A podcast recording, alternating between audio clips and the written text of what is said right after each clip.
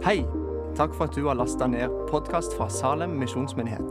For å finne ut mer om oss, besøk vår hjemmeside salem.as. Altså Ellen Marie. Og jeg er være her, eller gå her til vanlig. Så jobber jeg her i menigheten. Eh, altså, det heter ungdomspastor. Jeg syns ennå det er rart å ha pastor i tittelen om meg sjøl, men det heter det. Jeg er det. Og det er min store glede å få lov til å være sammen med de som er tenåringer. Og Vi hadde avslutning nå til fredag og hadde 'Mesternes mester' i Bertesbukta. Det var fantastisk. Og Da var det altså en som satt i 20 minutter i 90-graderen. Hvis du har sett 'Mesternes mester', så er den de sitter i 90 Altså, jeg klarer det jo ikke, men de sitter i 90 grader med beina sånn inntil en vegg i 20 minutter. Du kan gå hjem og prøve hvis du vil. Det er ganske heavy. Men ehm, vi har i hvert fall hatt et fint år. Jeg har lyst til å si at Noen av de har kommet til tro. Noen har vokst i tro. Så vi er takknemlige. Og så syns jeg det er sterkt å få lov til å være en del av menigheten. Jeg sier det her på fremmeste rad og så bare tørr altså, Det er ikke sånn at tårene de det ganske løst hos meg, men jeg, jeg blir så utrolig rørt av eh, de alle livene som har vært representert her framme nå, med Hammed og Christian, med Øyvind og Roger og Peter, Martin eh, og Karina som, som eh, er så modige. Og så er jeg alltid blitt så inspirert av, av menneskers mot. og så tenkte jeg på det før jeg skulle, når jeg skulle forberede den talen, tenkte jeg på det med fryktløshet. Jeg har alltid vært inspirert av fryktløshet. Å, gi meg litt sånn god historie på det. Og For noen år siden så snakka jeg med en kamerat som hadde vært på, på misjonstur på Fiji. Og så hadde han liksom opplevd fine ting. Og så sier jeg 'Hvordan er det på Fiji?' sier jeg. Altså, er, jeg regnet jo med at det var muslimsk som på alle de andre øyene rundt forbi der. Så sier han nei, Fiji er den eneste kristne øya. Der er det mange gode menigheter som lever. Så Hvorfor er det sånn at de ble kristne? Og så sier han jo Det var et skiftet rundt 1800-1900-tallet. Så satt noen misjonærer de satt liksom satt seg i båt og tenkte at nå skal vi ut til den øya der. Og så skal vi fortelle mennesker om Jesus Kristus. Og så drar de ut og prøver å fortelle om Jesus Kristus. Det som skjer, er at de blir kokt og spist. Kan ikke! Forferdelig god, god innledning til tale. Men det er jo det som skjer! Hva, og, men, og det er én ting. Det er en ting. De var fryktløse. Men hva gjør den neste gjengen av venner når de får vite hva som er skjedd med vennene de sine? De setter seg i en båt, og de setter kurs mot Fiji. Og så legger Gud til rette. Og så har Den hellige ånd virka, og i dag så er Fiji altså ei øy hvor Jesu navnet blir forkynt. Og fryktløshet det inspirerer meg. Og Bibelen forteller både om motløshet, men òg om å leve et liv i fryktløshet. Og Det skal jeg si noe om i dag. Fordi at jeg blir så fort bekymra. Jeg vet ikke om du kan kjenne deg igjen i det. Jeg kan bli bekymra for alt mulig. Jeg kan bli bekymra for lommeboka. jeg kan bli bekymret for... Her På fredag var jeg ekstremt bekymra. Da måtte Kristian komme og hjelpe meg. Da satt jeg og grein fordi jeg trodde at hele eksamensoppgaven som jeg hadde jobba med i to uker, var forduftet. Men så beroliga han meg etter hvert, da, fordi det er visst ingenting som kan forsvinne på internett. Det burde bekymre oss, men det er en annen sak. Men når vi er bekymra, er det ikke så lett å være fryktløs. For da klarer jeg ikke å tenke klart. Det er et følelsesmessig kaos. Jeg er redd. Kjenner det i magen. Angsten kommer liksom snikende. Og bekymringene og frykt, og kanskje til og med angst, som de fleste faktisk opplever i løpet av livet, det gjør noe med oss. Og det kan hindre oss i å leve det livet som Gud har kalt dere til, invitert dere til og skapt dere til. Vi skal se nærmere på det i en salme av David. Det er en eh, overskrift. eh, Vi er jo i en taleserie som heter 'Moderne problemer, solide løsninger'. Og vi skal til på de plagsomme bekymringene. Salme 27 skal vi lese ifra. Jeg leser hele salmen. Den er ganske lang, men du kan følge med på skjerm. Herren er mitt lys og min frelse. Hvem skulle jeg være redd for? Herren er mitt livs vern. Hvem skulle jeg frykte? Når voldsmenn og fiender nærmer seg for å sluke meg, da snubler de og faller selv. Om en hær vil beleire meg, er mitt hjerte uten frykt. Om krigen truer, er jeg likevel trygg. Én ting ber jeg Herren om. Dette ønsker jeg. Å få bo i Herrens hus alle mine dager så jeg kan se Herrens skjønnhet og være i hans tempel. Han gjemmer meg i sin hytte på den onde dagen. Han skjuler meg i sitt telt og løfter meg opp på klippen. Nå rager mitt hode høyt over fienden omkring meg. Med jubel vil jeg bære fram offeret i hans telt. Jeg vil synge og spille for Herren. Hør, Herre, jeg roper høyt. Vær meg nådig og svar meg. Jeg minnes at du har sagt, dere skal søke mitt ansikt. Ditt ansikt søker jeg, Herre. Skjul ikke ansiktet for meg. Vis ikke din tjener bort i vrede, du som har vært min hjelp. Gud, min frelser, forkast meg ikke og forlat meg ikke. Om far og mor forlater meg, vil Herren ta imot meg. Herre, lær meg din vei og før meg på jevne stier, for jeg er omgitt av fiender. Gi meg ikke over til grådige fiender, for falske vitner står opp mot meg. Menn som truer med vold. Men jeg vet at jeg skal se Herrens godhet i de levendes land. Sett ditt håp til Herren. Vær frimodig og sterk. Ja, sett ditt håp til Herren. David er en mann som kanskje for mange av dere representerer fryktløshet. Han, han, var en modig mann. Han lille gutten som står med stein i hånda og en liten sprettort, eller hva en slynge var det, mot en gigantisk kjempe som heter Goliat. Som representerer liksom hvordan mørket kan oppleves. Og hvordan livet kanskje kan oppleves utrolig skummelt. Og så er David den der fryktløse som tenker 'Jeg tar han'. og så gjør han det med Herrens hjelp. Det er i Guds ånd at det skjer. Og så er det litt sånn, hvordan skal, Hva sier Bibelen om at vi, hvordan skal vi gå livets utfordringer i møte? Er det best å se bort ifra utfordringene og late som de ikke er der? Og satse liksom på det beste, det er det kanskje noen som vil anbefale. Nei, nei, nei bare ikke tenke på det, så går det greit. Så går det over.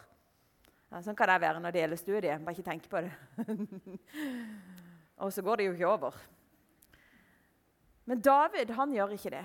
Han er ikke en struts som stikker hodet i sanden. Han navngir alt som truer livet sitt, sier han. Her er det voldsmenn. Jeg opplever at jeg har fiende. Jeg har en hær som kan komme imot meg. Og Han stikker liksom fingeren i jorda og sier jeg har mye jeg kan tenke på som kan bekymre meg. Det er ganske mye som er skremmende i dette livet. Jeg har nok av ting som jeg kan bekymre meg for. Men dette sier han. Én ting ønsker jeg. Å få bo i Herrens hus med alt som kunne ta min oppmerksomhet, alt jeg kunne bekymre meg for, så er det én ting jeg ønsker meg, og det er å få lov til å bo i Herrens hus. Å være i Hans tempel. Og hva betyr det? Hva betyr det? Jeg tenker at Hvis vi hadde spurt Hammed og Kristian, så kan de si at ja, det er ikke så verst kanskje å bo i Herrens hus, men det er ikke det vi ønsker over tid. Det var liksom ikke håpet å skulle være her i 40 år. Hva er det David mener? Er det at vi alle skal flytte inn i Salem? Da, da flytter jeg, holdt jeg på å si. Så kan vi orke det? Hæ? Det er sikkert flere enn meg som trenger litt alenetid. Men David han mener antageligvis ikke et fysisk hus. Eller det gjør han ikke, for han kunne ikke bo i tempelet. Han kunne faktisk ikke komme inn der og i det tabernaklet. Og, og det, det, var levittene. Det var presteskapet som hadde lov til å komme der. Det var ikke David. David er nødt til å snakke om noe annet enn å bo i et fysisk hus. Han snakker om å bo med Herren. Han snakker om å bo innenfor Guds ansikt. Det ordet som står på hebraisk, er panim. Og Det betyr Guds ansikt, Guds nærvær. Og det David sier Én ting ønsker jeg meg. Det er én ting som jeg ønsker å ha fokus på. Det er tusen ting jeg kunne hatt fokus på. Men én ting, Gud. Fest mitt blikk på ditt ansikt. Fest mitt blikk på ditt nærvær.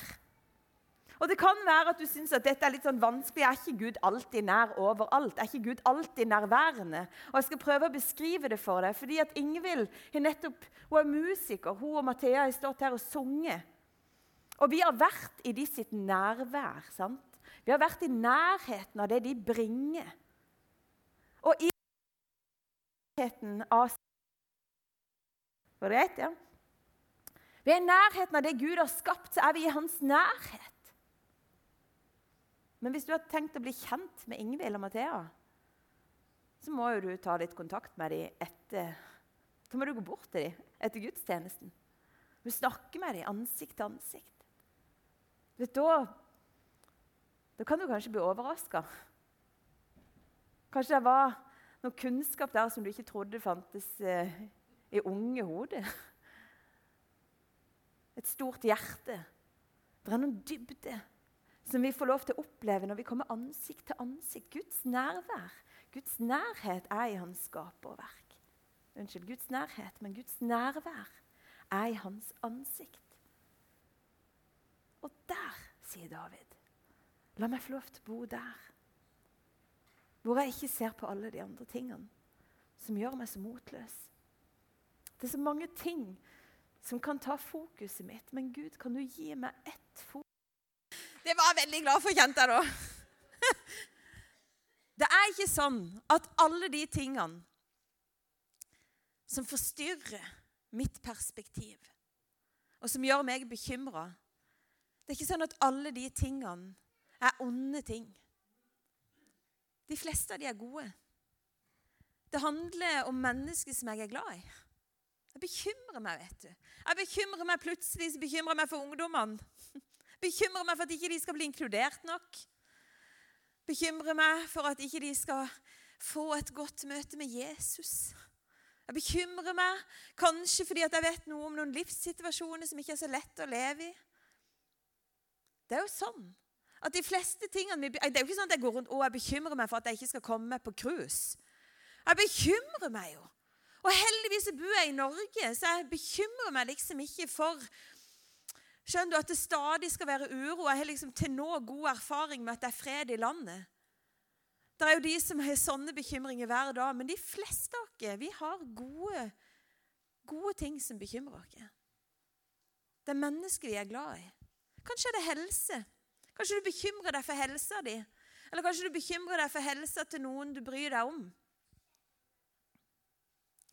Det som er så vanskelig med alle de gode tingene, som egentlig har en sånn sammenheng med Guds velsignelse Det er Plutselig så opplever jeg at, at det er de jeg skuer. Istedenfor å skue hans sitt ansikt. Istedenfor å se inn i hvem Gud er, og feste blikket mitt på seierherren på Han som skapte himmel og jord, på Han som gir liv til alt som lever, puster, beveger seg og er til, istedenfor at jeg hviler mitt blikk i Han. Så ser jeg på alle de gode tingene som òg gjør meg bekymra. Og Augustin, som er eller var en kirke... Han er jo fortsatt en, regner som en av våre kirkefedre. Han levde i det fjerde og femte århundret etter Kristus han går ganske langt i å si at våre bekymringer skyldes at vi har avgudet. Til og med våre gode ting. De blir avgudet for oss. Og det betyr jo ikke at de ikke skal være i livet. Men det betyr at plutselig så er det de jeg skuer. Og så er det de som får min oppmerksomhet.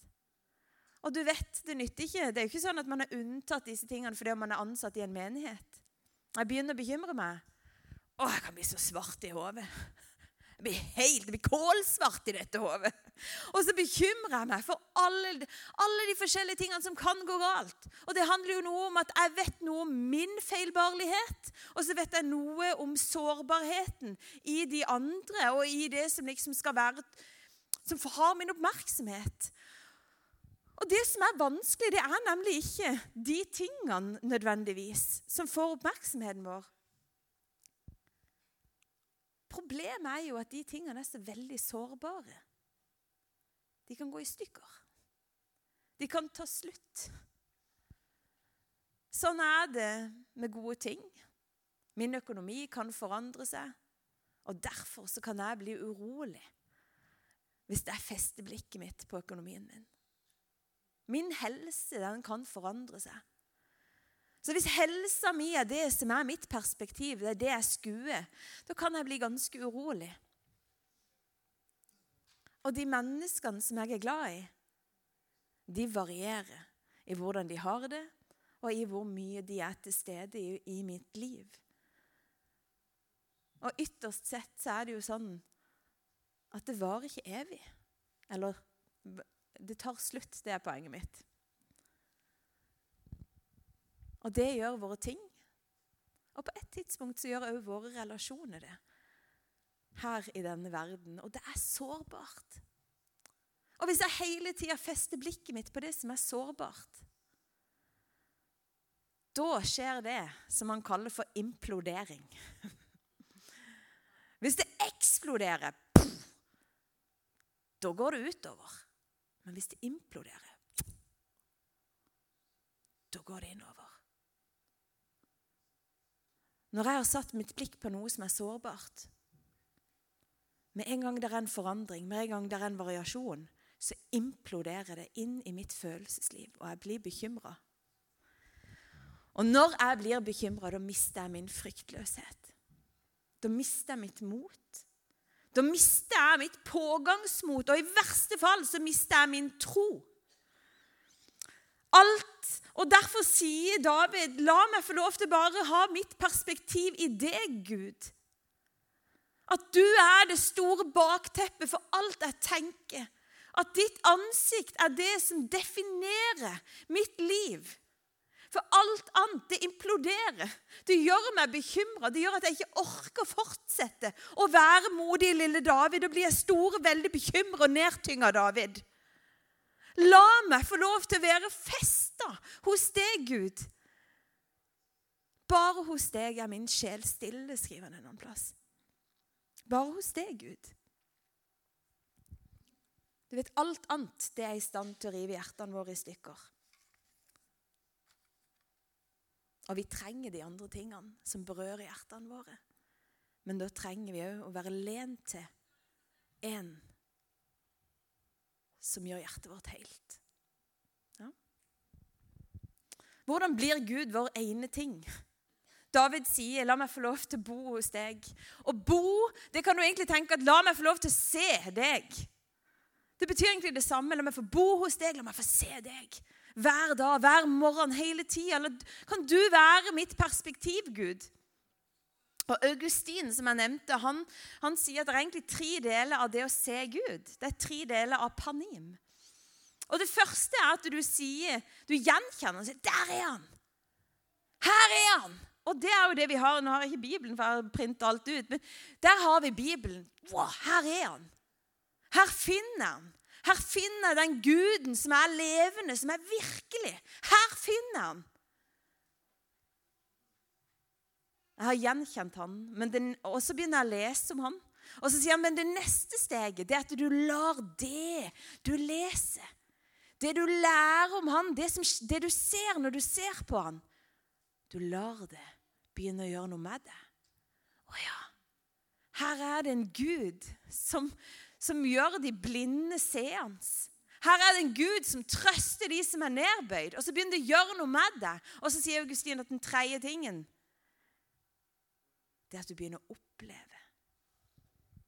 Det første er at du gjenkjenner. Det andre er at du faktisk hører ordentlig etter. Og det tredje er at du begynner å oppleve hva det betyr. For når jeg ser på han som reiser opp de nedbøyde, så skjer det noe med meg. Hvis jeg bare holder blikket mitt festa på han, da skjer det noe med meg. Da faller jeg til ro. Når jeg leser at han er fyrsten av fred, så begynner jeg å tenke på hva betyr det? At han er fredsfyrste. Så lar jeg det komme til meg at du er fyrsten av fred. Og så vil Den hellige ånd åpenbare det i de lagene av hjertet mitt som trenger å oppleve det. Men hvis jeg festa blikket mitt på noe annet, da? Sånn kan det jo være. Jeg fester blikket mitt på hytta. Jeg ser hytta. Hun skulle vært beisa. Og den ser jeg. Åh, hytta skulle vært beisa. Å, det er mye stress. Hva vet jeg om det? Jo, jeg vet at det er mye stress. Og så blir jeg fylt med den følelsen av stress. sant? Hvis jeg lar hytta være mitt perspektiv, da skjer det noe annet. Og Derfor sier David du må være det ene. Jeg vil se det. Jeg vil se deg sånn som du er, og så vil jeg søke deg, sier han. Jeg vil søke deg der du er å finne. Å søke, det betyr å la seg veilede. Å søke Gud. Det betyr egentlig at du går til Han for å få et råd på hvordan du skal leve videre. Og Ofte så tenker jeg at vi søker Gud, vi søker Gud, og så går vi videre og så lever vi akkurat som vi pleier. Og tenker på hytta. Og så er det ordet i grunnteksten. Det betyr Nei, jeg søker deg for at du skal forme livet mitt. For at du skal sette retning. Og Det er de to store delene av hva det egentlig vil si å være en disippel. Du ser på ham. Du beskuer ham. Hvor vakker han er. Hvor god han er. Det er ikke så vanskelig å forstå at de to tingene henger sammen. En relasjon består i begge deler.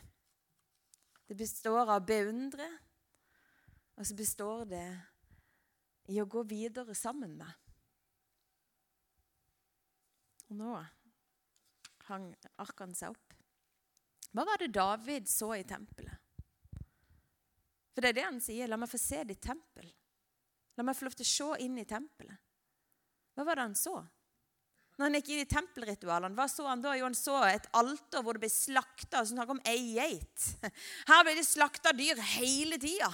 Det var blod, og det var liksom det, det, var, det var jo ganske vilt. Der i tempelritualene, det er det David sier. La meg få lov til å se inn i tempelet. Der ser jeg deg. For hva er det han ser?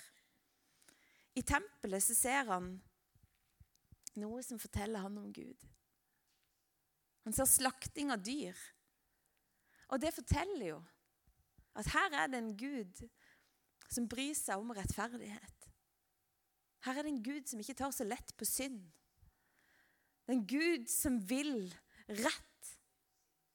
Men så ser han òg en Gud som er nådig, og som tilgir mennesker, og som til og med gir dem synsforlatelse og velsigner dem.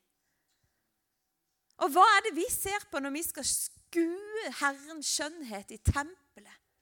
Vet du, Da ser vi på Han som er det tempelet som ble revet ned og bygd opp på tre dager. Han som er det tempelet som demonstrerte Guds rettferdighet, og som demonstrerte Guds uendelige nåde. Når vi skal se Guds herlighet i tempelet, da fester vi vårt blikk på Han som har gitt oss alt, Jesus Kristus. Han er den herligheten Gud har gitt oss å feste blikket på. Sånn at vi ikke skal være fryktløse, sånn at vi ikke skal være motløse. Sånn at ikke bekymringene skal ta all vår oppmerksomhet. Så vil han fylle våre liv med noe annet. Hvem er det som hjelper oss til å se han? Og nå går jeg mot rosinen i pølsa, som jo er et herlig uttrykk. Hvem er det som hjelper oss å se Jesus? Og Vi har nettopp feira pinse. Det er jo Den hellige ånd. Hvem er det som gjør at Jesus blir levende for oss? Hvem er det som fester mitt blikk? og som hjelper meg til å se han på en ny måte. Hvem er det som holder den visjonen jeg har av Jesus levende? Det er Den hellige ånds kraft. Og Disiplene satt på øvre sal, og det var all grunn til å frykte for livene. Hvis du tenker at du har all grunn til bekymring, så kan du faktisk tenke litt på de disiplene. Fordi at jødene hadde tatt, Forrige gang de var i Jerusalem, det var påska. Da ble Jesus korsfesta. Og de, disse er de som har fulgt etter han. Og de risikerer livet sitt med å være der, det er jeg sikker på. Og Nå er Jesus tatt opp til Faderen. Det er jo en annen ting. Før så pleide de å se han så lett. Det ble litt mindre lett etter Golgata, holdt jeg på å si. Men likevel så var det liksom Det var noe lett. Og plutselig så var han liksom litt sånn utenfor syne. Vet ikke om du kjenner igjen følelsen hva det gjør med oss da når vi ikke ser Jesus så veldig lenger. Og Flere av de hadde forlatt sine vanlige jobber. De hadde satt hele økonomien, altså Familien sin økonomi var satt i fare. Det var all grunn til bekymring. Det var all grunn til å ikke gå all in. Det var all grunn til at Peter nok en gang kunne gå tilbake og si jeg tror jeg gjør det jeg kan best, jeg går fiske. Skjønner du? Det var all grunn til å bare miste alt motet og til å ikke levere 100% men å bare trekke seg tilbake. For de har en vanskelig historie med seg, med vanskelige mennesker rundt seg. Og Jesus er ikke så lett å se, og økonomien står på, å si, på spill. Det er all grunn til panikk, men så er det bare dette de har sett han. Og så holder de fast. Og så begynner tunge, liksom av ild, å gå på, vise seg på hodene de sine. Og ånden vitner om nok en gang så er det liksom som han maler Jesus foran dem.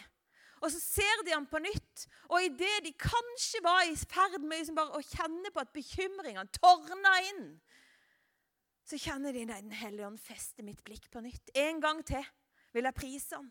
En gang til vil jeg løfte opp hans sitt navn. En gang til skal jeg gi alt jeg har. For nå ser jeg han på nytt. Han som en gang berørte mitt hjerte. Han som en gang tilga meg. Han, han som ga de blinde syn. Han som reiste opp de som ingenting var. Han, Nå ser han på nytt, for Den hellige ånd er kommet til meg. Han har åpna mine øyne på nytt. Hvem er det som gjør at Jesus kan bli det stedet hvor vi bor? Hvem er det som kan feste oss på nytt, ansikt til ansikt, med den levende Gud? Det er Den hellige ånd. Den hellige ånd som åpenbarer nok en gang for oss hvem Kristus er.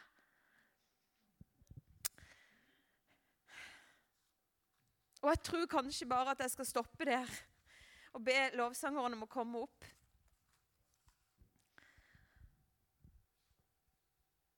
Og så har jeg lyst til å si det at, um, at vi trenger å være et fryktløst folk. En fryktløs menighet. Vi trenger hjelp. Og jeg er sikker på at vi er mange som sitter her i salen som bare kjenner ja, jeg trenger virkelig at bekymringene mine bare slipper litt makt i livet. Jeg trenger å feste blikket mitt på nytt. Og kanskje trenger du det først og fremst for din egen del. Og du har lyst til å si at Jesus er her først og fremst for deg. Men sammen så er vi kalt til å være ett folk som forkynner hans frihet for folkeslag. Vi er kalt til å være ett folkeslag, ett folk, én menighet, som kaller mennesket inn til hans sitt hjerte. Og som viser hvem han er. Og det kan vi ikke gjøre hvis ikke vi bor i Herrens hus. Hvis ikke vi er festet ansikt til ansikt med han, hos han. Hvor vi bare tenker mer Jesus. Jo mer jeg ser på deg, hvor nydelig er du. Jo mer jeg leser om deg, Herre. Og når jeg ikke kjenner noen ting, så vil jeg fortsette å be. Hellige kom inn i våre liv og åpenbar på nytt hvem du er. Jesus gjør dere til et fryktløst folk. Og du vet hvem som sitter her inne med alle mulige problemer og utfordringer og bekymringer, Herre. Takk at du er medlidenhet med oss. Du sier 'kom til meg, du som strever og er tungt å bære'. Jeg syns jeg takker deg, Herre, for at du vil møte hver enkelt. Så ber jeg for oss som folk, Herre. Vil du løfte våre blikk? Helligånd, vil du åpenbare Kristus for oss? Så vi kjenner at freden bor i oss. Så vi vet hvem vi tror på. Og Derfor kan ingenting rokke oss. For vi har ikke festa vårt blikk på det som er sårbart og vaklende. Vi har festa vårt blikk på deg, Jesus Kristus, du som er klippen. Og nå velsigner alle som er her. Og ber, Herre, om at du skal bare berøre hver enkelt. Vi, vi gjør det sånn nå at i den lovsangen som er, så søker vi Herren. Og så kommer også Gunn opp og avslutter etter hvert. Hvis du har lyst til å bli bedt for, så kan du gå der, og så vil det komme noen og, og velsigne deg eller be for deg. Man kan jo ikke være innenfor Herrens ansikt? Søke det. Og snakke sant med Han. Han som er den levende kilden.